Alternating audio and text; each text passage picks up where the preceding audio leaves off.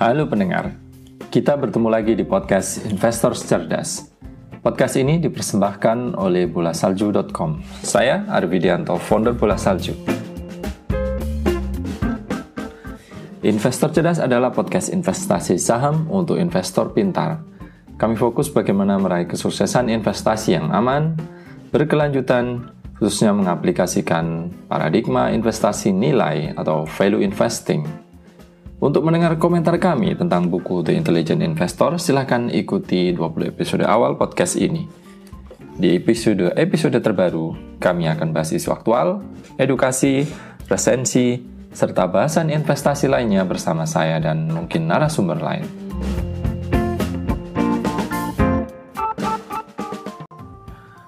Saudara pendengar, setelah mengudara 11 bulan lebih, podcast Investor Cerdas sudah diikuti sekitar 5.000 follower di Spotify.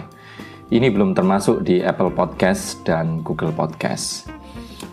Di episode 046 yang spesial ini, kita mendapatkan waktu dan kesempatan yang sangat istimewa untuk mewawancarai seorang narasumber. Beliau adalah seorang fund manager di sebuah perusahaan manajemen investasi yang secara terbuka mengaku menganut paradigma value investing dalam operasi investasinya. Nah, saudara, reksadana yang beliau kelola menghasilkan kinerja paling fenomenal di Indonesia. Selama 22 tahun beroperasi, reksadana ini menghasilkan perolehan kinerja 7.900% lebih atau ibaratnya 80 kali lipat. E, bisa diibaratkan uang 1 juta bisa berlipat menjadi 80 juta atau 100 juta menjadi 8 miliar. Baiklah, inilah wawancara saya bersama Pak Winston S. Aswal, Direktur PT Panin Asset Management dan juga Ketua Tim Investasi di Reksadana Panindana Maksima.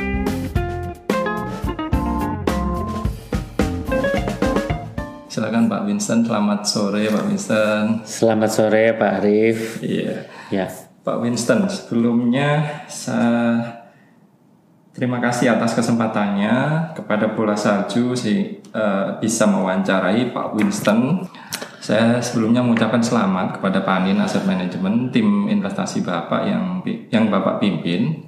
Kinerjanya ini kan fenomenal sekali ya Pak ya, Pan, Panin Dana Maksima terutama. Hmm itu bagaimana rahasia atau fokus sehingga bisa mencapai itu semua dan bagaimana strategi ke depannya itu Pak? Sebenarnya sih eh, nggak ada rahasia ya, tapi kita cuma sederhana aja. Kita taat akan filosofi investasi kita. Ya, gitu. Ya, karena kita sadar itu untuk investasi ini sifatnya jangka panjang, suatu maraton. Kita tidak selalu akan outperform pasar atau keberhasilan kita bukan hanya dari satu dua keputusan investasi tetapi merupakan akumulasi banyak keputusan investasi yang benar yeah. ya sehingga kita terus menerus asal kita taat terhadap uh, in, uh, filosofi investasi kita nah kita punya filosofi investasi pertama-tama kita itu uh, prudence artinya berhati-hati tapi bukan sekedar berhati-hati tetapi kita juga mengerti sebenarnya setiap keputusan investasi itu ada risikonya. Dan kita harus memahami risiko yang di belakang dari setiap keputusan investasi. Dan bukan cuma cukup sampai situ. Kita juga harus siap apabila risiko yang mungkin hanya kecil itu menjadi kenyataan. Selalu harus ada kita sedia ruang untuk kesalahan. Kita tidak selalu benar sehingga apabila kita buat kesalahan jangan kita istilahnya tidak uh, tidak bisa apa-apa lagi tergeletak hmm. ya. Tetapi kita bisa tetap survive melewati. Dan uh, yang kedua adalah kita juga uh, disiplin. Hmm. disiplin artinya uh, kalau seperti sekarang banyak uh, news berita tentang krisis dan lain-lain kadang-kadang orang uh, kehilangan orientasi. Nah kita harus disiplin. Kita disiplin terhadap pertama-tama fokus kita, orientasi kita ke mana, disiplin terhadap tujuan, dan juga setiap keputusan yang investasi yang kita lakukan itu harus berdasarkan hal yang rasional, ya tidak terpengaruh oleh greed atau fear, ya kita harus uh, disiplin dalam hal ini, disiplin dan konsisten. Lalu yang ketiga kita punya filosofi investasi adalah value. Nah, value itu sebenarnya kita melihat pertama-tama kita harus memiliki satu expertise tentunya sehingga kita bisa create value. Yeah. Dan semua uh, value yang ada itu uh, yang kita create itu kita akan deliver kepada nasabah-nasabah kita. Nah, nah itu uh, prinsip dasar daripada filosofi investasi kita sehingga kita uh, dari waktu ke waktu mungkin strategi kalau ditanya strategi ke depan bagaimana ya mungkin strategi sesat bisa berubah-ubah tetapi uh, filosofi investasinya tetap sama. Value, Pak. Nah, yang terakhir kita penekanan ke values. Oh, ya, terima kasih, Pak. Ini jadi memang sepertinya nih dari dari prudentnya, dari resikonya, dari disiplinnya, dan kemudian orientasi jangka panjang dan value memang panen dana maksima atau yang panen AM dalam skala umum uh, globalnya ini memang value ya Pak ya, value fund ya. Ini kan saya juga baca ya di websitenya, di wawancara sejak lama saya baca di investor Pak hmm. Winston Sual ta tahun 2012 yang lalu, terus ada saya jumpai di SCMP itu, ini kan vokal banget dengan value, bahkan ada satu statement yang unik ini pasar tidak selalu efisien ini. Ini unik karena mayoritas orang kan tidak berkata seperti itu Pak ya Pak ya. Apa hmm. strategi value ini didukung Pak oleh stakeholder semuanya ini dari atas? Uh, Ya, uh, se sebenarnya sih uh, ya memang ada ada unsur culture daripada Penin juga mereka uh, selalu lihat uh, values, tapi juga dalam pengelolaan kita sendiri uh, kita memang menekankan menekankan kepada uh, strategi uh, values ya.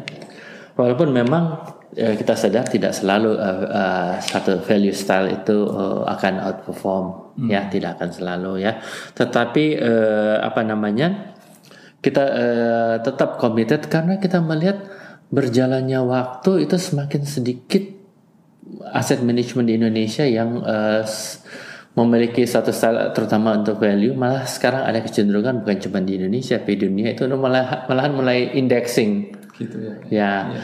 Nah, kita malah dalam kondisi seperti itu kita tetap uh, apa namanya menekankan kepada values walaupun uh, values bukan berarti semua portofolio kita harus values ya ah, gitu. tetapi beberapa prinsip daripada values kita tetap pertahankan oh ya itu pertanyaan saya tadi kan saya pernah dengar juga ada tim yang lain katakanlah gitu saya anonim ya pak ya ada yang hmm. katakannya strateginya value tapi stakeholdernya tidak mendukung akhirnya fund manajemennya ya ya nggak bisa kayak gitu kalau di panin sekuritas dan panin aset manajemen ini semua satu visi ya Pak ya bisa dikatakan seperti itu ya oke okay. Eh, ya sebagai perusahaan yang harus mengenerate profit untuk perusahaan iya. kadang-kadang kita mengerti bahwa untuk satu periode values itu nggak jalan oh, iya. tapi yang kita lakukan adalah bukan merubah daripada panin dana maksimum dari values fund menjadi macam-macam tetapi kalau kita lihat berjalannya waktu kita sering mengeluarkan uh, reksadana reksadana baru hmm. yang Eh, sesuai untuk tema pasar yang sifatnya lebih uh, jangka pendek. Hmm. Ya, misalnya pada saat uh, 2007 yang lalu kita mengeluarkan uh, apa namanya panindana prima. prima itu, iya. Ya, itu kenapa? Karena pada pada waktu itu values nggak jalan. Yang jalan adalah growth dan momentum. Hmm. Daripada kita ubah panen dana maksimal itu menjadi values, kita keluarkan lah. Oke, okay, hmm. ini uh, Oke, okay, masih masih sedikit uh, values tapi kita tambahkan porsi pada growth dan momentum di dalam portofolio yang lebih besar. Oh, okay. Kemudian misalnya uh, lead lead uh, akhir-akhir ini semua kan menuju ke indexing. Yeah. Ya. Nah, semua menuju ke indexing uh, dan memang keadaan sekarang uh, ada unsur ketakutan mau krisis ya sehingga orang cenderung untuk mau uh, kondisinya untuk melakukan asset allocation hmm. dalam pengertian kadang-kadang masuk di saham dan secara opportunistic pindah ke cash level. Nah untuk itu ya kita keluarkan reksadana baru yaitu kita uh, ada reksadana indeks dan kita keluarkan ETF ya dan soalnya kita juga sadar bahwa investor-investor kita tidak semua value hmm. ya sehingga ya oke okay lah kita uh, uh, memberikan mereka itu reksadana indeks reksadana ETF ya kita juga perusahaan perusahaan harus uh, meningkatkan aum ya istilahnya. Yeah. Ya, nah itu. Tapi bukan mengubah reksadana aktif kita yang seperti panen dana maksimal untuk diarahkan uh, apa namanya uh, investment stylenya menjadi katakanlah indexing. Tidak. Kita keluarkan produk baru. Nah sehingga kita bisa mengakomodasi keinginan untuk menambahkan jumlah aset under management dengan ya kita punya uh, style yang benar-benar kita kuasai. Ya makasih pak ya. Ini tadi Pak Winston sebut krisis terus kemudian panen dana prima tahun 2007 ini nomor tiga itu saya ingat itu panen dana maksimal kan berdiri juga 97 ya Pak ya.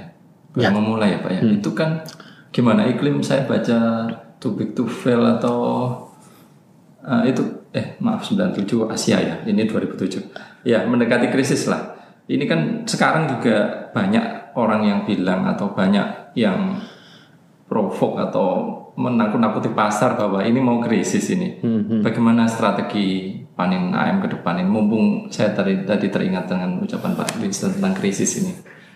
Oke, okay, uh, eh, ya uh, kita lihat memang kita juga melihat bahwa uh, krisis secara global itu akan terjadi uh, mungkin dalam konteks satu tahun atau uh, setengah tahun atau dua tahun short term akan terjadi. Cuman bagaimana krisis itu akan terjadi apakah itu menjadi krisis sama seperti 2008 yang sangat dalam atau hanya mild krisis atau hanya krisis yang kecil dan uh, sangat singkat 2015 ya, itu ya ya seperti 2015 ya. ya itu bisa terjadi dan itu tidak bisa diprediksi karena itu sangat tergantung daripada antisipasi atau ya antisipasi daripada seluruh pelaku pasar dan uh, policy daripada pemerintah-pemerintah dunia ya. Hmm. Ya, jadi eh, belum bisa kita lihat akan seperti apa krisisnya. Tetapi yang paling penting justru adalah di, da di dalam uh, keadaan krisis ini ya kita harus uh, berpegang terhadap uh, investment filosofi kita dan kita menyediakan tenaga agar kita bisa melewati krisis tersebut. Karena krisis itu kita bisa lihat uh, dari dua dua belah uh, uh, pihak ya satu memang uh, itu akan mengakibatkan ya mungkin penurunan di aset price ya tetapi setiap krisis itu adalah opportunity yeah. Karena sebenarnya krisis itu dalam ekonomi itu kan satu hal yang positif juga dia membuat uh, membongkar struktur yang ada sehingga alokasi daripada resourcesnya itu bisa dialirkan ke hal-hal yang lebih produktif hmm. untuk itu diperlukan krisis kalau enggak tidak akan terjadi uh, perombakan daripada alokasi resources. Jadi uh, setelah krisis seharusnya keadaannya lebih baru, lebih sehat ya. Selalu uh, kondisi seperti itu dan kita coba melihat opportunity di sana. Hmm, Oke. Okay. Itu mudah nggak sih Pak di tengah krisis uh, 97 tapi di Indonesia udah parah-parahnya ya. Hmm. Itu hmm. mudah nggak meyakinkan stakeholder untuk mendirikan fund seperti dengan strategi value seperti panen dana maksimal gitu. Hmm, ya kalau kalau buat uh, kita sih uh, apa namanya tahun 97 itu dan 98 itu memang sangat-sangat sulit karena itu bukan krisis ekonomi. Di dunia itu krisis ekonomi. Tapi di Indonesia itu sudah krisis politik dan krisis sosial yeah. sebenarnya pada yeah, waktu itu ya jadi uh, bukan hanya pemerintahnya berganti, tetapi juga ya kita tahu pemisahan Timur Timur pada waktu itu, yeah. ya itu itu kan sudah menjurus kepada politik. Ya, ya, apakah Indonesia itu sebagai negara kesatuan itu akan tetap stay, nah, yeah. tidak tercerai-berai pada waktu itu. Jadi memang itu uh, sangat sulit dan uh, ya kita memang tidak bisa berbuat apa-apa selain uh, menunggu. Hmm. Itu pada waktu itu sangat berbeda ya di, di uh, 2000 tahun 2000 di luar di global malahan sudah mulai naik hmm. sampai 2001 sebelum dot com uh, bubble ya tapi yeah. itu sudah mulai naik mereka sudah recover tapi kita nggak bisa karena krisis sosial kita udah terjadi hmm. dan memakan waktu uh, cukup panjang hampir tujuh tahun untuk recovery yeah, yeah. ya nah uh, sebaliknya kalau di tahun 2008 itu krisisnya yang yang terjadi adalah krisis global yang boleh dikatakan sangat berat. Amerika boleh dikatakan sebenarnya sudah bangkrut ya. Hmm. Ya kalau dia bukan sebagai negara yang memiliki power sovereignty yang kuat mungkin ya sudah sudah bangkrut ya. Hmm. Tapi bisa bisa lewat Tapi di Indonesia justru uh, sifatnya justru ya walaupun masih makan waktu 6 sampai 9 bulan tetapi uh, cukup cepat recovery-nya. Ya, itu uh, apa namanya? Nah, kalau kondisi seperti itu uh, apa namanya ya kita uh, cukup berhasil ya untuk uh, nasabah mengatakan kepada nasabah satu persatu kita temui nasabah dan tidak menjadi uh, masalah ya, malah ya. menjadi uh, peluang, peluang yang baik ya. Oke Pak, terima kasih penjelasannya sangat menarik. Ini kita kembali lagi ke paradigma ya Pak yang hmm. tanya nomor dua ya Pak. Ya. Itu bagaimana menurut uh, pandangan Pak Winston sejauh mana strategi investasi khususnya ya panen dana maksimal yang Bapak hmm. kelola langsung mengikuti value investing ala Graham atau ada pergeseran Pak? Barangkali Kak Buffett sendiri kan katanya udah bergeser atau bagaimana Pak? Ya, memang ada hal yang tetap sama, yaitu uh, kita sama-sama meyakini bahwa secara jangka panjang, ya uh, harga saham di pasar itu secara jangka panjang akan merupakan representase daripada ya, ya, hmm. ya representase daripada nilai daripada perusahaan. Ya. Itu uh, uh, kita tetap yakini. Iya. Yaitu uh, sebagai uh, fundamental dan secara jangka pendek ya bisa berubah dan kita melihat itu sebagai noise yeah. dan sometimes kita melihat sebagai opportunity. Ya. Jadi kita uh, bisa bersifat uh, contrarian di sana. Itu uh, kita sama di sana. Tetapi uh, perbedaan kita terletak karena ada dua hal yang saya lihat ya. Uh, pertama-tama karena struktur ekonomi Indonesia itu sendiri atau struktur uh, pasar modal Indonesia sendiri. Kita tahu pasar modal Indonesia itu uh, walaupun ada 550 saham, tapi sebenarnya banyak keberiapan, banyak yang corporate governance issue dan lain-lain, sehingga pilihannya nggak banyak. Hmm. Ya, jadi kita katakan marketnya itu shallow ya, dan kalau nggak terlalu banyak pilihan untuk kita bisa bermain. Dan yang kedua adalah kita punya struktur uh, ekonomi makro itu kita sangat rentan uh, kita terhadap external shock. Artinya apa yang terjadi di luar itu pengaruh kepada financial stability kita itu sangat besar. Ya, uh, kalau misalnya seperti Trump war itu kalau diperhatikan ya kita punya currency itu kenanya paling besar atau kita punya uh, capital flow paling besar kena di Indonesia justru ya. Kita sangat uh, rentan sehingga uh, kita tahu sendiri kalau kita membuat apa namanya suatu forecast untuk mencari nilai suatu perusahaan, poin yang paling utama kan adalah cost of capital, interest rate. Yeah. Nah kalau itu sendiri uh, ter, uh, terlalu banyak bergejolak, ya dalam penentuan uh, intrinsic value daripada suatu perusahaan itu kita harus lebih berani untuk lebih dinamis atau sometimes tidak murni kita mendapatkan suatu intrinsic value secara absolut tetapi lebih relatif. Yeah. Ya, karena uh, kita tahu uh, baik tingkat bunga maupun kita punya currency itu lebih uh, swingnya itu bisa lebih besar ya karena kita rentan terhadap external shock. Ya, mudah-mudahan ke depan makin lama makin menurun. Dan ya jadi uh, kita lebih banyak itu uh, ada unsur uh, relatif. Dan yang kedua adalah kalau uh, value investing, saya lihat kalau menurut pandangan saya itu akan sangat bagus untuk investor pribadi, ya, atau close-ended fund, ya, di mana uh, apa namanya uh, bukan open-ended dalam pengertian orang bisa keluar dan masuk. Seperti panen dana maksimal. Panen dana maksimal itu open-ended. Yeah. Orang bisa masuk dan keluar kan. Nah, kesulitannya ada di mana? yaitu uh, tidak selalu kan kita tahu value akan outperform yeah. ya dan juga uh, market dinamika juga cukup besar. Nah, dalam kondisi begitu kita harus menyediakan likuiditas yang lebih atau dalam konteks pemilihan saham itu unsur likuiditas itu menjadi sangat dominan karena liquidity risk itu penting oh, untuk dipertimbangkan. Yeah, yeah. Ya, nah itu membuat kita nggak bisa total uh, value yang apalagi mau cari deep value nggak bisa hmm. ya karena ya itu uh, apa open ended ya kita lagi invest untuk saham-saham yang sifatnya jangka panjang sangat murah tetapi begitu uh, kita uh, kena redemption ya kita punya struktur portofolio kita akan menjadi kacau balau hmm. ya jadi uh, hal hal ini yang uh, membuat kita uh, harus uh, berbeda. Terus kemudian Pak, selama 20 tahun ini ada semacam pergeseran filosofi nggak Pak? Ada misalkan yang dulu gimana, sekarang gimana? Hmm. Semua sama aja atau? Uh, pergeseran filosofi uh, evolusi tetap tetap ada, ada ya, ya. Karena uh, kalau kita lihat memang uh, struktur pasar pun juga itu berubah. Yeah. Ya. Di tahun uh, 1990-an itu analis yang cover saham uh, banyak begitu krisis moneter analis yang cover krisis moneter Indonesia 97 ya pada kabur semua tidak ada analis Uh, kemudian uh, apa namanya tahun 2007 2008 analis yang kembali banyak ya. Sehingga uh, pasar yang kita hadapi itu uh, berbeda. Juga uh, kemajuan teknologi.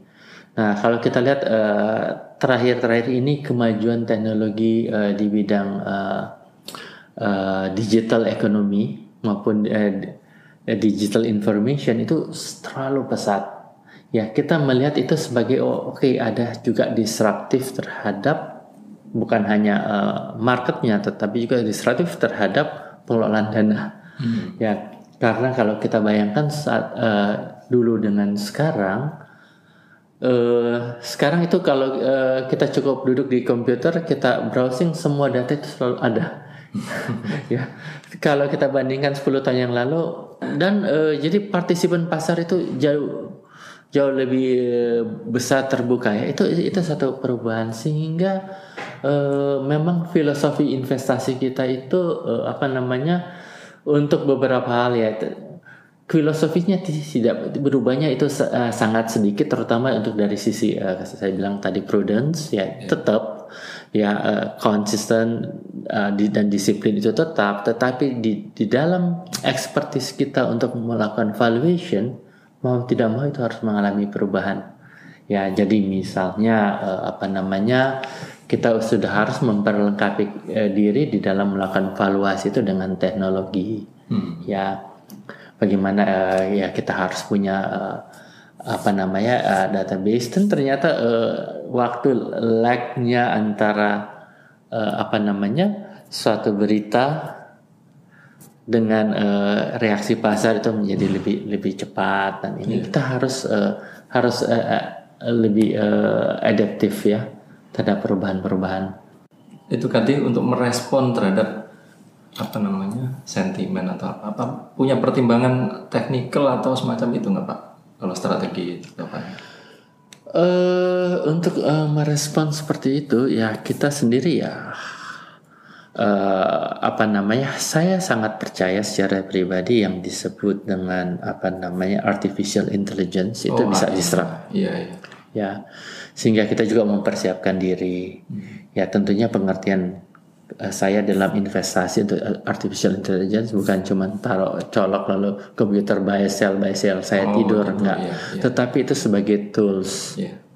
Sebagai tools untuk oke okay, ada part-part tertentu hmm. uh, dengan artificial intelligence membantu kita untuk mengambil keputusan. Hmm. Nah, Ya itu ada beberapa parts yang bisa. Cuman memang sampai saat ini bahkan di luar negeri juga masih kelihatan itu belum karena revolusi di big data kan itu di luar negeri baru 10 tahun lah yeah. yang boleh naik sehingga datanya itu masih kurang panjang ya di Indonesia malahan mungkin bukan 10 tahun tapi malah lebih lebih pendek lagi ya mungkin baru datanya banyak itu mungkin baru enam tahun ya jadi tapi kita sadar bahwa satu saat mungkin lima tahun yang akan datang itu hal itu akan semakin uh, intensif ya, intensif ya. ya.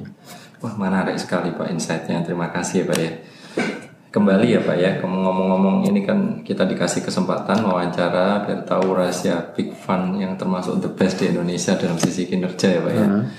Boleh tahu nggak Pak bisa jadi bisa berbagi berapa sih rata-rata holding period kalau strategi Bapak itu value-nya?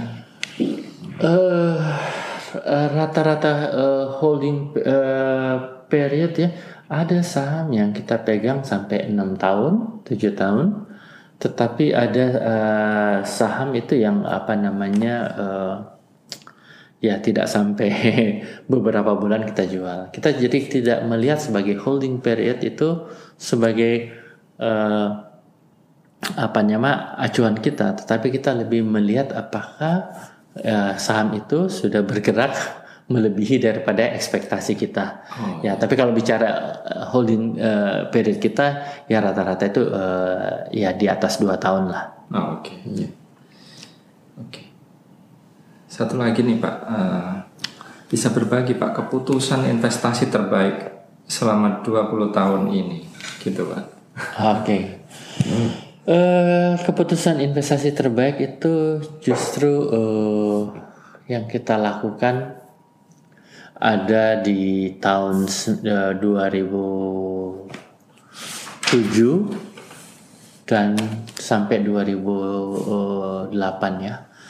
2007 kita sangat underperform dan uh, klien-klien saya uh, ter, uh, datang dan marketing saya memberikan satu uh, big pressure pada kita hmm. kenapa kita tidak uh, mengikuti euforia pasar. Hmm.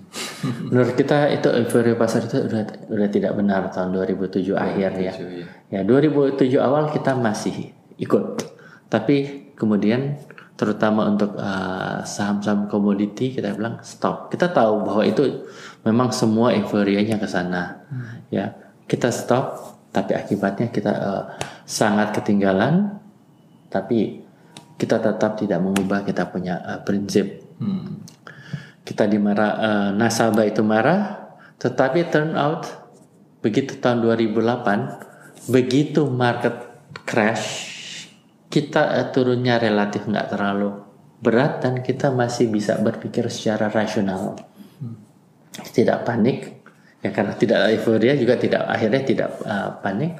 Nah, pada saat itu kita uh, coba meneliti kembali dan kita mengambil kesimpulan bahwa Indonesia itu tidak layak dapat punishment seperti itu. Kita termasuk kena punishment paling besar ya, yeah. Iya. karena kita melihat bahwa uh, kita punya ekonomi itu bisa bertahan, kita punya ekspor to GDP itu nggak terlalu besar dibandingkan negara-negara ASEAN, ya, dan uh, kita punya struktur ekonomi pada saat itu baik, ya, sehingga di saat uh, uh, apa namanya uh, pasar pada umumnya uh, masih uh, istilahnya agak ketakutan dan itu kita justru uh, memilih portofolio yang kita fully invest dan memilih portofolio ke yang paling agresif. Saat itu, saat itu untuk itu kita pilih yang paling agresif ya. Ya mungkin dengan pakai beta lah atau hmm. ini kita coba. Betanya paling besar berarti. Ya kita lihat uh, beta yang besar dan ini. Kita berani ambil di situ ambil keputusan seperti itu dan turn out 2009 2010 kita justru mendapatkan uh, reward yang hmm. uh, sangat tinggi pada saat itu. Kemudian ya kita uh, karena posisi kita kelihatan uh, pace-nya benar kemudian kita switch juga kita langsung cepat untuk memindahkan ke second liner sama third liner ya sehingga hmm. kita mendapatkan dua kali kenaikan ya. Oh. Jadi pada waktu pasar. Nah itu uh, merupakan suatu uh, ke keputusan investasi di mana tahun 2007 kita betul-betul stres karena ditinggalkan nasabah, dimarahin nasabah, tetapi justru hal itu membuat kita lebih rasional di tahun 2008. Gitu ya Pak. Ya. Dulu tahun 2007 kelolaan berapa Pak? Saya mau lupa saya tahun 2007 kalau ditanya oh, sekarang 12-an ya ya uh, mu, uh, pada waktu itu uh, kelolaannya masih sekitar 2 triliunan lah. Ya. Itu turun katanya tadi Bapak tuh sempat oh, turun. Oh, kita uh, kita uh, bukan kelolanya yang turun, tapi performance kita itu betul-betul pressure dari pelanggan itu enggak sampai menarik dana gitu, enggak pressure dari uh, pelanggan ya. apa klien-klien itu dia tidak menarik dana karena kita uh, hubungi satu persatu oh, ya uh, kita hubungi satu persatu tetapi uh, ya teman-teman saya itu banyak yang kenaikan aumnya itu jauh lebih cepat oh, ya, ya kita tidak menikmati kenaikan aum iya, iya. Hmm. Makasih Pak sudah cerita rahasia-rahasianya dikit ini. Banyak sih. Ya. Iya.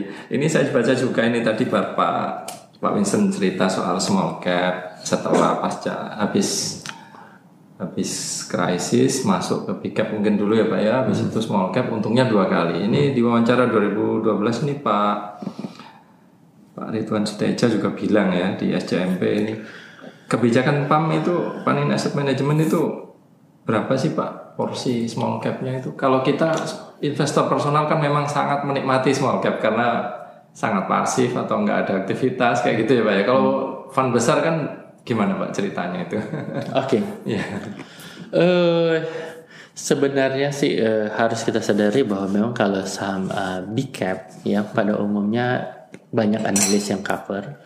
Se- se- sehingga itu eh, mereka juga eh, melakukan analisa secara fundamental sehingga eh, valuationnya ya banyak kali itu efisien. Mendekati indeks ya Pak ya. Ya, ya. Jadi eh, apa namanya eh, untuk untuk big cap. Justru yang value itu ada banyak di mid mid cap sama small cap. Karena eh, tidak semua ana- sedikit analis dan kita eh, untuk cover sektor tersebut dan kita memiliki inter, eh, analis internal yang mengcover sehingga kita bisa eh, discover untuk eh, mid sama small cap.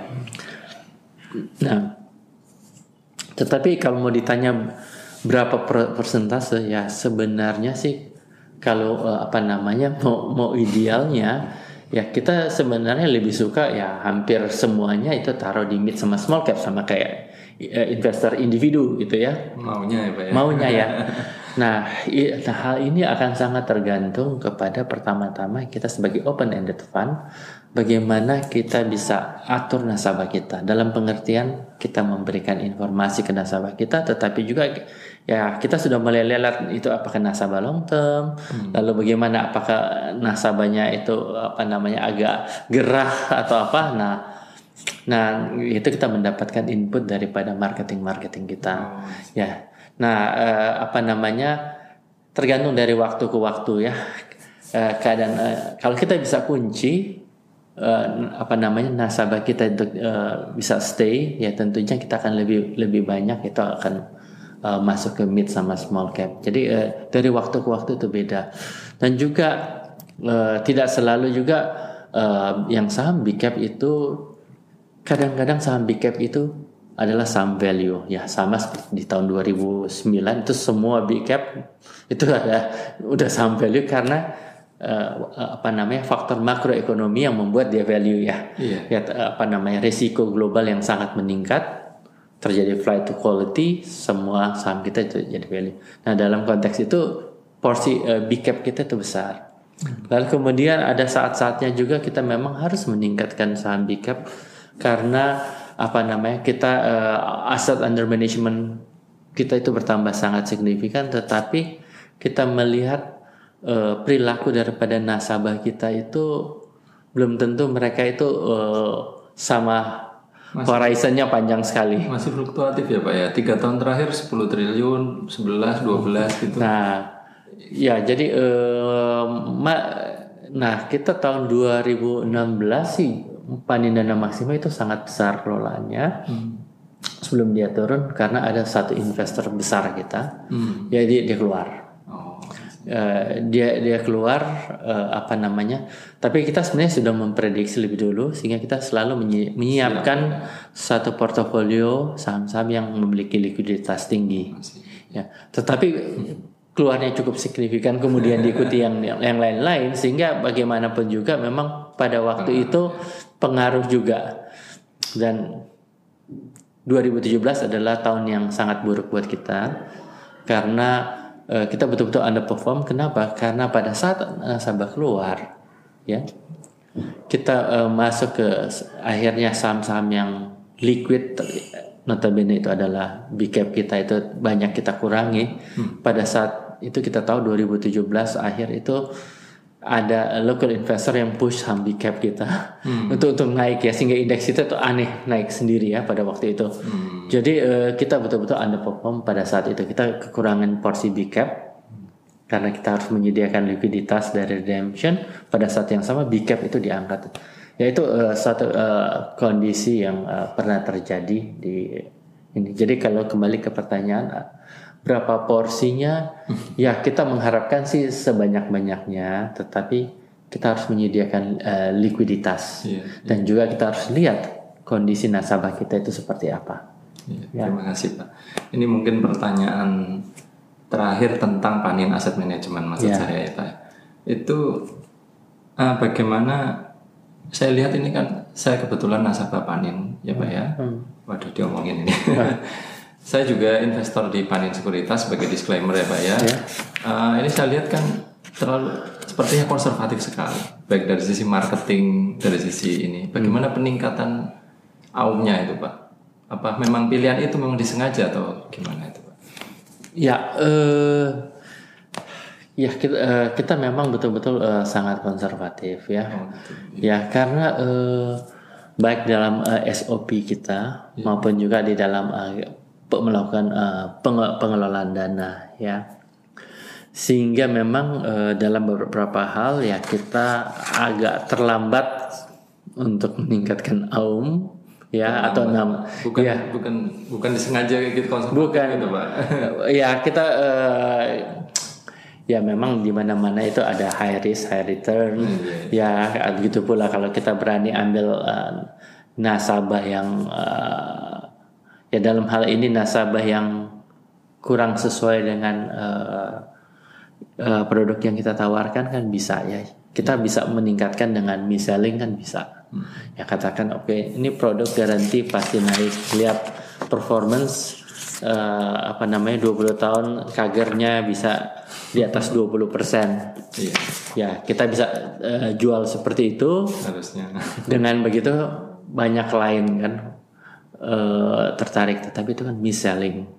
Ya kita harus eh, meyakinkan bahwa klien kita itu apa namanya dananya itu memang siap untuk katakanlah ya mengalami keadaan di mana 2-3 tahun memang kita agak sulit ya. Kalau market lagi turun ya kita juga agak susah untuk eh, perform ya.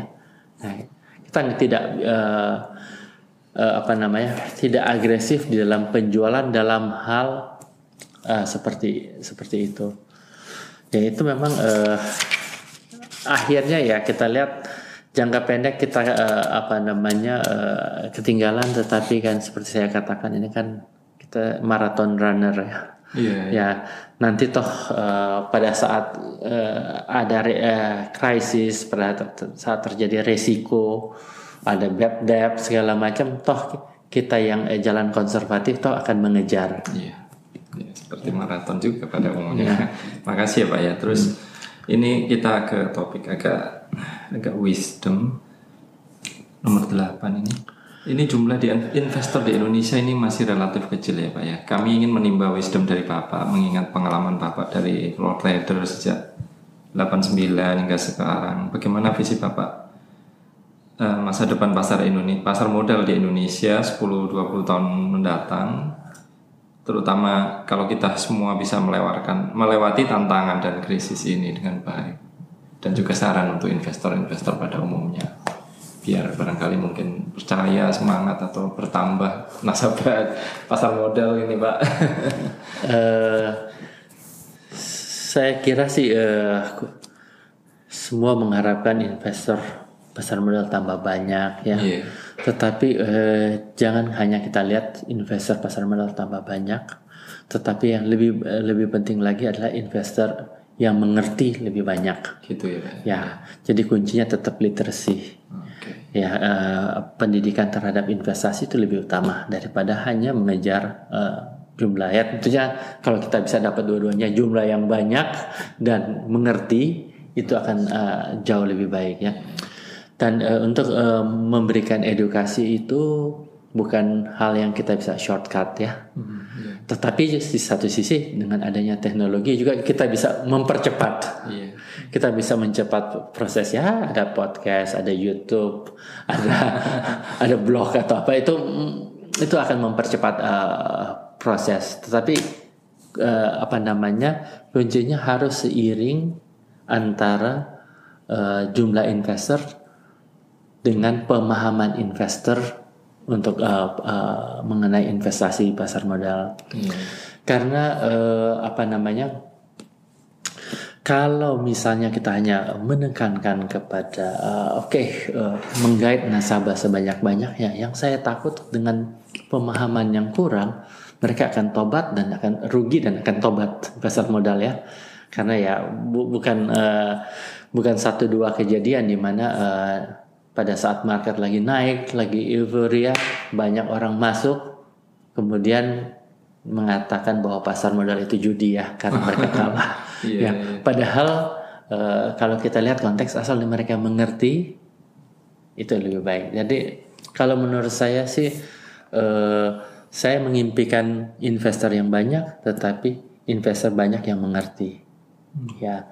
Dan kalau mem uh, memang tidak semua investor itu memiliki resources untuk investasi sendiri, ya itu channelnya itu bisa diserahkan kepada yang lebih mengerti yeah. yaitu uh, ya termasuk kita juga sebagai fund manager tapi bisa masuk kepada uh, uh, apa namanya lembaga-lembaga yang uh, ya ada yang melalui dana pensiun ada yang melalui insurance dan yang lainnya yang lebih lebih mengerti jadi tidak semata-mata menambah jumlah investor uh, uh, retail tetapi juga uh, investor institusi juga harus diperhatikan, harus dikembangkan karena mereka itu uh, biasanya lebih profesional. Ya, jadi idealnya begitu. Banyak investor asal investornya yang cakap dan mengerti bagus. Tapi kalau banyak investor tapi investornya itu tidak mengerti itu menurut saya justru kasihan. Negatif iklimnya ya. ya. ya. Oke Pak, terima kasih ya. atas waktu, atas jawaban dari Pak Winston Suel. Demikian wawancara kami bersama Pak Winston, Ketua Tim Pengelola Investasi Reksadana Panin Dana Maksima dan Direktur di Panin Asset Management. Terima kasih ya Pak ya. Sama-sama. Terima kasih atas waktu dan kesempatan yang diberikan Pak Winston dan Panin Asset Management sehingga kita bisa mewawancari beliau di, tengah kesibukan beliau untuk podcast ini. Saya kira kita semua mendapatkan banyak insight, banyak wisdom dari jawaban-jawaban beliau. Saya pribadi mendapat banyak hal dari wawancara ini. Saya kira wawancara ini sangat bermanfaat bagi kita semua. Terima kasih telah mendengarkan episode ini. Jangan lupa subscribe di media sosial Bola Salju.com. Kami tunggu pertanyaan, saran, dan komentar via formulir kontak di bolasalju.com. Feel free ya untuk berbagi ke kawan, keluarga, dan siapa saja jika dirasa podcast ini berguna. Sampai jumpa di episode berikutnya.